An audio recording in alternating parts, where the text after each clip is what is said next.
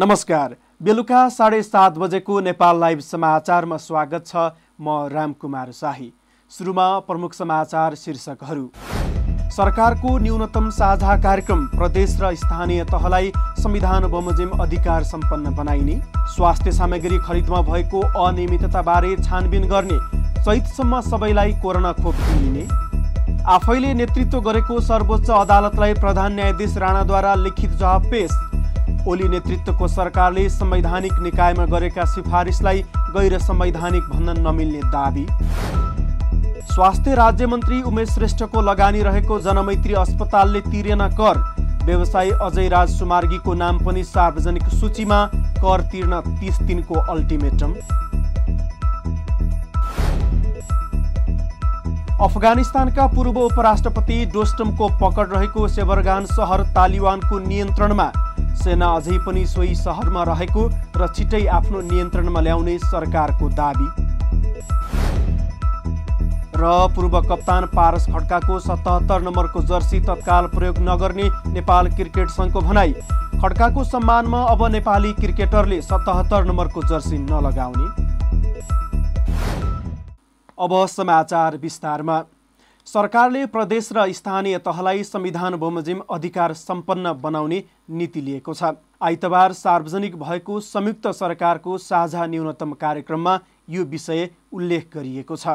प्रदेश र स्थानीय तहलाई संविधान बमोजिम अधिकार सम्पन्न बनाउन आवश्यक कार्य गर्ने आइतबार सिंहदरबारमा साझा न्यूनतम कार्यक्रम वाचन गर्दै कार्यदलका संयोजक पूर्णबहादुर खड्काले भने।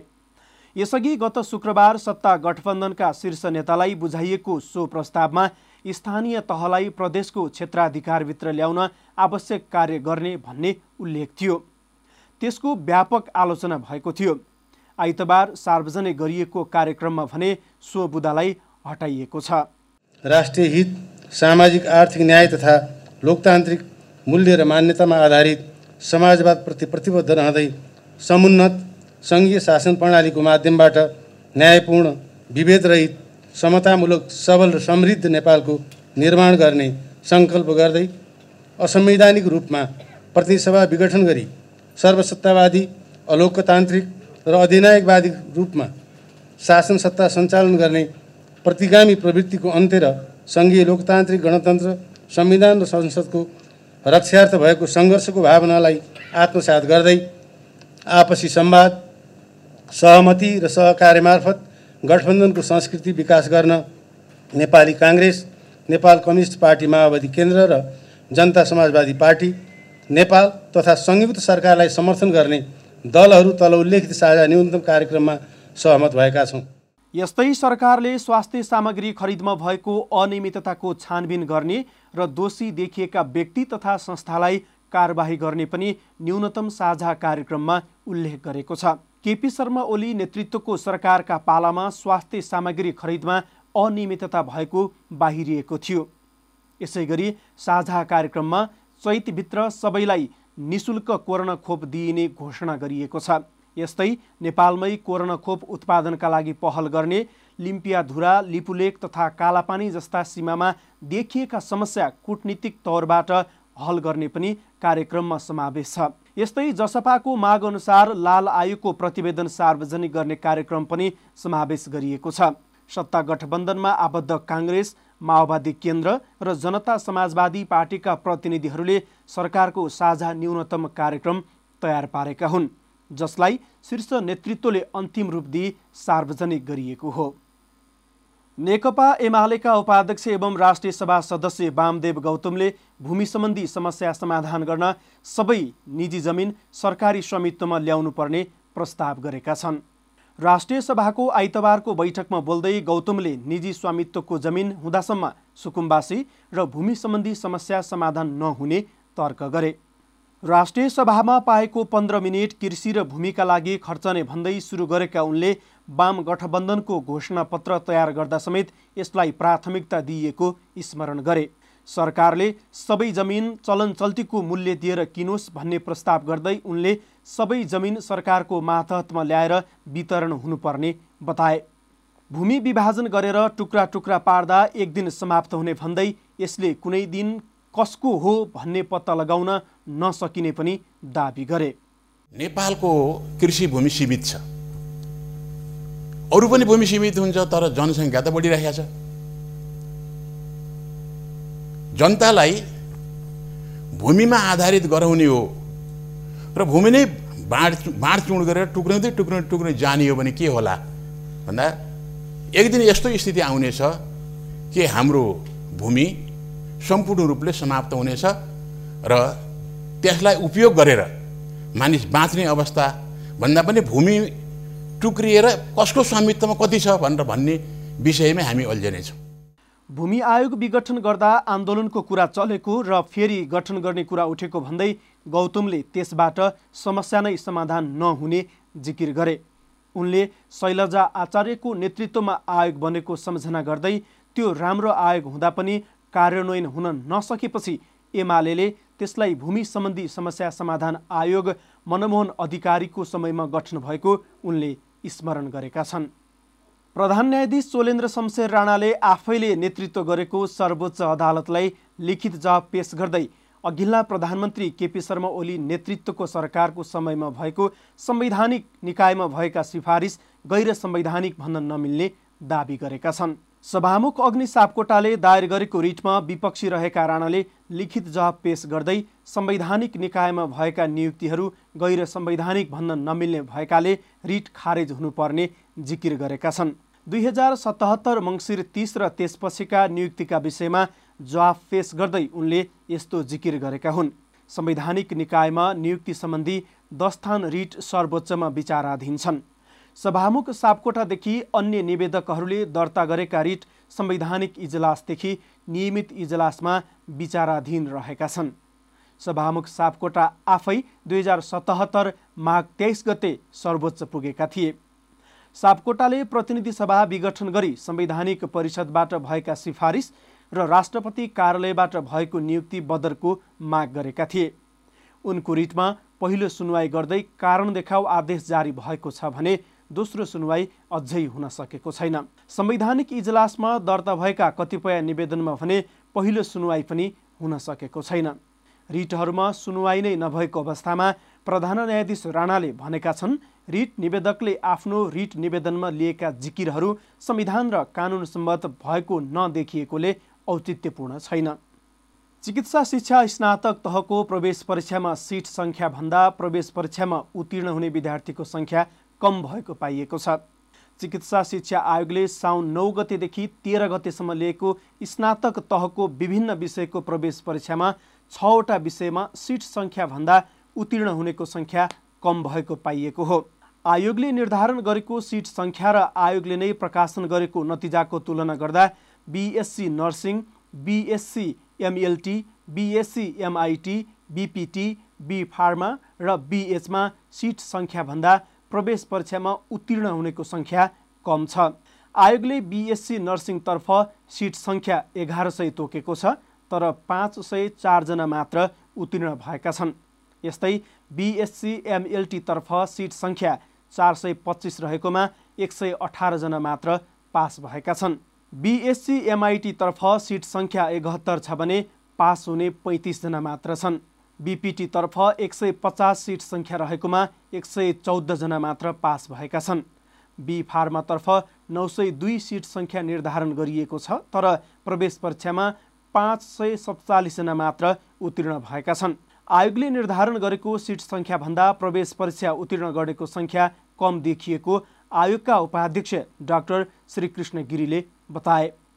उनले आयोगले जति सिट निर्धारण गरेको भए पनि प्रवेश परीक्षामा उत्तीर्ण भएका विद्यार्थीले मात्रै भर्न पाउने पनि बताएका छन्। विद्यार्थीले प्रवेश परीक्षा नै उत्तीर्ण गर्न नसकेपछि धेरै सिट खाली हुने देखिएको हो। खाली हुने सिटमा के गर्ने भन्ने विषयमा कुनै छलफल तथा निर्णय नगरिएको डाक्टर गिरीले बताएका छन्। भूमि सम्बन्धी समस्या समाधान आयोग खारेज गर्ने सरकारको निर्णय विरुद्ध सर्वोच्च अदालतमा रिट दायर भएको छ। विघटित आयोगका अध्यक्ष देवी प्रसाद गेवालीले आइतबार सर्वोच्च अदालतमा रिट दर्ता गराएका छन्। गेवालीले आइतबार दर्ता गराएको रिटको प्रारम्भिक सुनवाईका लागि सोमबार पेशी तोकिएको सर्वोच्च अदालत स्रोतले जानकारी दिएको छ। केपी शर्मा ओली नेतृत्वको अघिल्लो सरकारले गठन गरेको आयोग सुकुम्बासी समस्या समाधान गर्ने भन्दा जग्गा वितरण गर्ने कार्यकर्ता भर्ती गर्ने र हदबन्दीभन्दा धेरै भएको जग्गा वितरणमा संलग्न रहेको दाबीसहित सरकारले खारेज गरेको थियो। भूमि सम्बन्धी ऐन दुई हजार एक्काइस अनुसार गठन भएको आयोग सरकार परिवर्तन हुने बित्तिकै खारेज हुन नसक्ने र सरकारको यो निर्णयले जग्गा वितरणको अन्तिम अवस्थामा रहेको निर्णयमा अपूरणीय क्षति हुने गेवालीको रिटमा उल्लेख छ। गेवालीले पहिलो सुनवाईबाटै आयोगलाई निरन्तर गरी काम गर्नु गराउनु भनी अन्तरिम आदेश जारी हुनुपर्ने माग दावी गरेका छन्। लामो समयपछि सुकुम्बासीहरूले जमिन पाउन लागेको अवस्थामा आयोग नै खारेज भएकाले उत्प्रेषणको आदेशले बदर हुनुपर्ने रिटमा माग दावी गरिएको छ। स्वास्थ्य राज्य मन्त्री उमेश श्रेष्ठको लगानी रहेको जनमैत्री अस्पताललाई पनि काठमाडौँ महानगरपालिकाले कर नतिर्ने सूचीमा समावेश गरेको छ। महानगरले आज प्रकाशित गरेको सूचीमा राज्यमन्त्री श्रेष्ठको अस्पतालको नाम तेइसौँ नम्बरमा रहेको छ। महानगरले कर नतिर्ने बाहन्न करदाताको सूची आज प्रकाशित गरेको हो। महानगरको यो सूचीमा अजयराज सुमार्गी पराजुली पनि रहेका छन्। व्यवसायी सुमार्गीको नाम उनापचासौँ नम्बरमा रहेको छ। महानगरले धेरै अघिदेखि कर उठाउन ताकेता गर्दा समेत असुल नभएपछि सार्वजनिक सूचना जारी गरेको हो। महानगरले उनीहरूलाई कर तिर्न तिस दिनको अल्टिमेटम दिएको छ। कर र जरिवाना नबुझाए सेवा बन्द गर्ने सम्पत्ति रोक्का गर्ने लगायतका कानुनी प्रक्रियाबाट सरकारी बाँकी सरह कर असुली गरिने महानगरपालिकाका प्रवक्ता ईश्वरमान डङ्गोलले बताएका छन्। हामी नेपाल लाइभ समाचारमा छौँ अब अन्तर्राष्ट्रिय समाचार।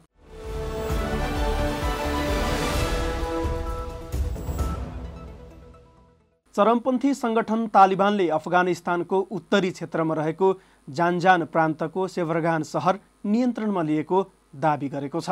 तालिबानले पछिल्लो दुई दिनमा कब्जामा लिएको यो दोस्रो प्रान्तीय राजधानी हो।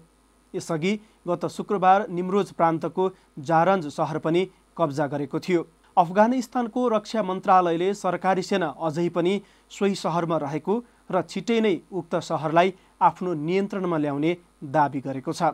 सेवरगान अफगानिस्तानका पूर्व उपराष्ट्रपति अब्दुल रसिद डोस्टमको बलियो पकड रहेको सहर मानिन्छ।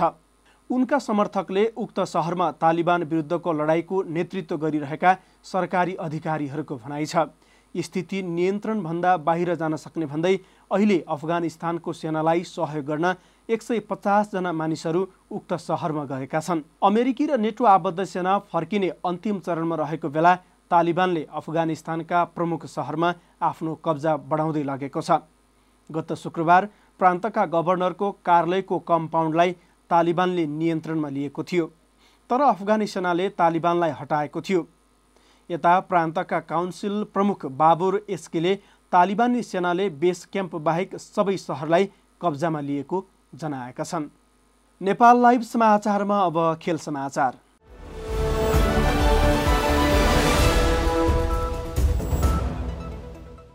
नेपाल क्रिकेट सङ्घ क्यानले पूर्व कप्तान पारस खड्काको सतहत्तर नम्बरको जर्सी तत्काल प्रयोग नगर्ने भएको छ। पूर्व कप्तान पारस खड्काले प्रयोग गर्दै आएको जर्सी नम्बर हो सतहत्तर। उनको सम्मानमा यो जर्सी तत्काल प्रयोग नगर्ने निर्णय गरेको क्यानका सचिव अशोकनाथ प्याकुरियलले जानकारी दिए। तेत्तिस वर्षीय पूर्व कप्तान पारसले केही दिन अगाडि अन्तर्राष्ट्रिय क्रिकेटबाट सन्यासको घोषणा गरेका थिए। सन् दुई हजार नौमा कप्तान चयन भएका पारस दुई हजार उन्नाइसमा कप्तानी पद छाडेका थिए। पारसले नेपालका लागि दस एक दिवसीय अन्तर्राष्ट्रिय र तेत्तिस टी ट्वेन्टी अन्तर्राष्ट्रिय खेल खेलेका छन्। नेपाली क्रिकेटका सफल कप्तान पारसले नेपाललाई डिभिजन पाँच हुँदै एक दिवसीय अन्तर्राष्ट्रिय राष्ट्रको मान्यता दिलाउन सफल भएका थिए। पारसकै कप्तानीमा नेपालले टी ट्वेन्टी विश्वकप खेलेको थियो। सन् दुई हजार चौधमा बङ्गलादेशमा भएको टी ट्वेन्टी विश्वकपमा नेपालले प्रतिस्पर्धा गरेको थियो। अर्जेन्टिनी फरवार्ड लियोनल मेस्सीले क्याटलान क्लब बार्सिलोनामा बस्ने चाहना हुँदाहुँदै पनि सम्भव नभएको बताएका छन्। आइतबार क्याम्प नाउमा भएको विदाई कार्यक्रममा उनले क्लब र आफ्नो व्यक्तिगत रूपमा सबै प्रयास भए पनि त्यो सम्भव नभएको बताएका हुन्। बार्सिलोनाले बिहिबार एक विज्ञप्ति जारी गर्दै लालिगाको आर्थिक र संरचनागत अवरोधले मेसीसँग नयाँ सम्झौता हुन नसकेको जनाएको थियो। गत सिजन म आफै क्लब छड्न चाहन्थेँ तर त्यो सम्भव भएन। यसपटक हामी सबैले नयाँ सम्झौतामा सहमति जनाएका थियौँ तर लिगको नियमका कारण सम्भव हुन सकेन। हामी कसैले यो अवस्था चाहेका थिएनौँ मेसीले भने। उनले आफूले नचाहेर पनि क्लब छाड्नु परेको र यस्तो अवस्था आउन नसोचेको बताएका छन्। यो निकै दुःखलाग्दो समय हो तर यो अवस्थामा छोड्नुपर्छ भन्ने सोचेको पनि थिइनँ। मैले क्लबमा नै रहेर करियर सक्ने अपेक्षा गरेको थिएँ। उनले भने यस्तै मेसीले आफू समर्थकका बिचमा रहेर विदाई लिन नपाएकोमा खिन्न महसुस गरेको बताए। विदाईका क्रममा आयोजित कार्यक्रमलाई सम्बोधन गर्ने क्रममा उनी भक्कानिएर रोएका थिए। आफ्नो अभिव्यक्ति राख्नु अघि नै सम्हाल्न नसकेर आँसु झारेका उनलाई सम्बोधन सकिएपछि उपस्थित सबैले लामो समय ताली बजाएर सम्मान दिएका थिए। समाचारको अन्त्यमा प्रमुख समाचारका शीर्षकहरू फेरि एकपटक। सरकारको न्यूनतम साझा कार्यक्रम प्रदेश र स्थानीय तहलाई संविधान बमोजिम अधिकार सम्पन्न बनाइने स्वास्थ्य सामग्री खरिदमा भएको अनियमितताबारे छानबिन गर्ने चैतसम्म सबैलाई कोरोना खोप दिइने। आफैले नेतृत्व गरेको सर्वोच्च अदालतलाई प्रधान न्यायाधीश राणाद्वारा लिखित जवाब पेश।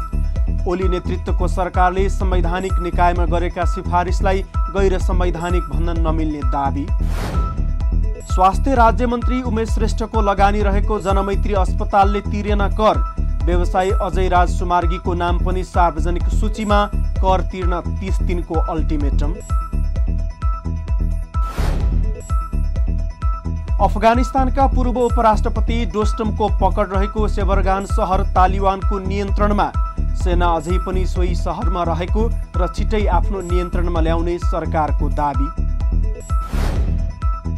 र पूर्व कप्तान पारस खड्काको सतहत्तर नम्बरको जर्सी तत्काल प्रयोग नगर्ने नेपाल क्रिकेट सङ्घको भनाई खड्काको सम्मानमा अब नेपाली क्रिकेटरले सतहत्तर नम्बरको जर्सी नलगाउने। नेपाल लाइभ समाचार आज यति नै। यसपछि साढे आठ बजे बहसमा काङ्ग्रेस हेर्न सक्नुहुनेछ।